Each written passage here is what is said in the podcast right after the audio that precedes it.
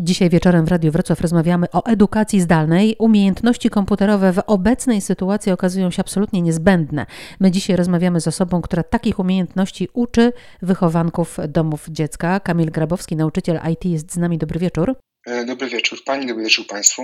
Prowadzi Pan w ramach fundacji, w której działa, kursy programowania. Od czego taki kurs się zaczyna i jaką wiedzę mają te dzieci, które do niego podchodzą?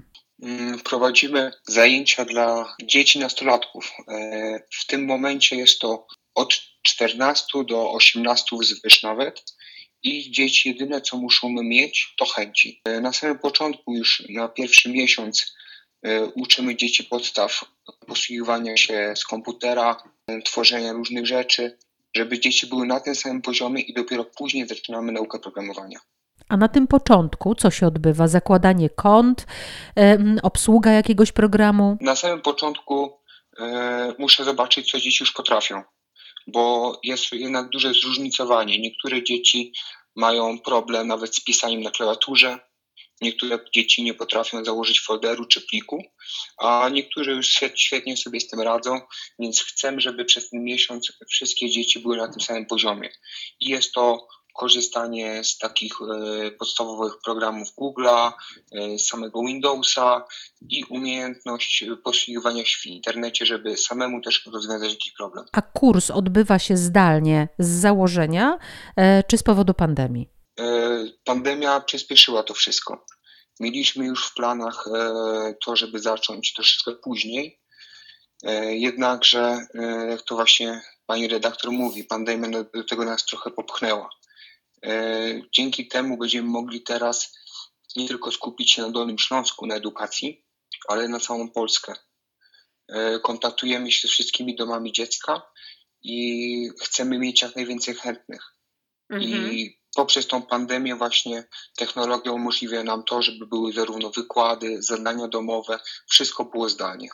Zastanawiam się, czy w obecnej e, sytuacji, kiedy dzieci uczą się zdalnie, to trochę Was, e, nauczycieli IT, traktują jako wsparcie w lekcjach. Zdarza się tak? E, raczej rozgraniczamy na samym.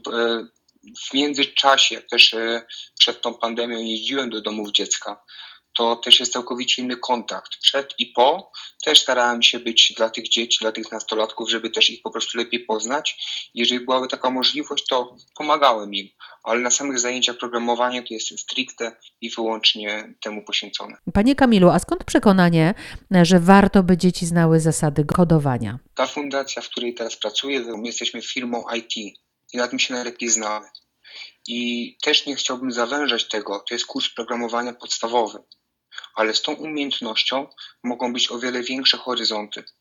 Poprzez designera, ktoś może z zarządzania, ale jeżeli ktoś już zna podstawy programowania, to jest dobry start. I jeżeli mhm. nawet ktoś nie nadaje się do końca do tego, nie idzie mu to, to zawsze możemy też pomóc w innej e, ścieżce rozwoju w IT. A jakie są e, reakcje wychowanków na tę ofertę edukacyjną? One czują się e, onieśmielone w czasie tych warsztatów, czują jakiś lęk, obawy, czy przeciwnie, śmiało chcą wchodzić w to, uczyć się, edukować? Większość dzieci to są dzieci właśnie z takimi no, dużym bagażem doświadczeń, to właśnie takich bardziej ciężkich i negatywnych. I z moich e, obserwacji wynika, że jednak mają tą niską samoocenę. Dopiero jeżeli wejdą głębiej w to, to potem właśnie idzie z górki. Najgorsze są te początki, żeby same w siebie mogły uwierzyć, że jestem do tego zdolny, mogę to zrobić. A jak to wynika z Pana obserwacji? Uczą się rzeczywiście nie tylko twardych umiejętności, ale również wiary w siebie? Tak, właśnie to też e, z jedną z Pani dyrektor, bo zawsze staram się być e, z całym personelem, e, czy to wychowawcami, czy dyrektorami w kontakcie i właśnie mówią, że dzieci się bardzo zmieniają na statkowie.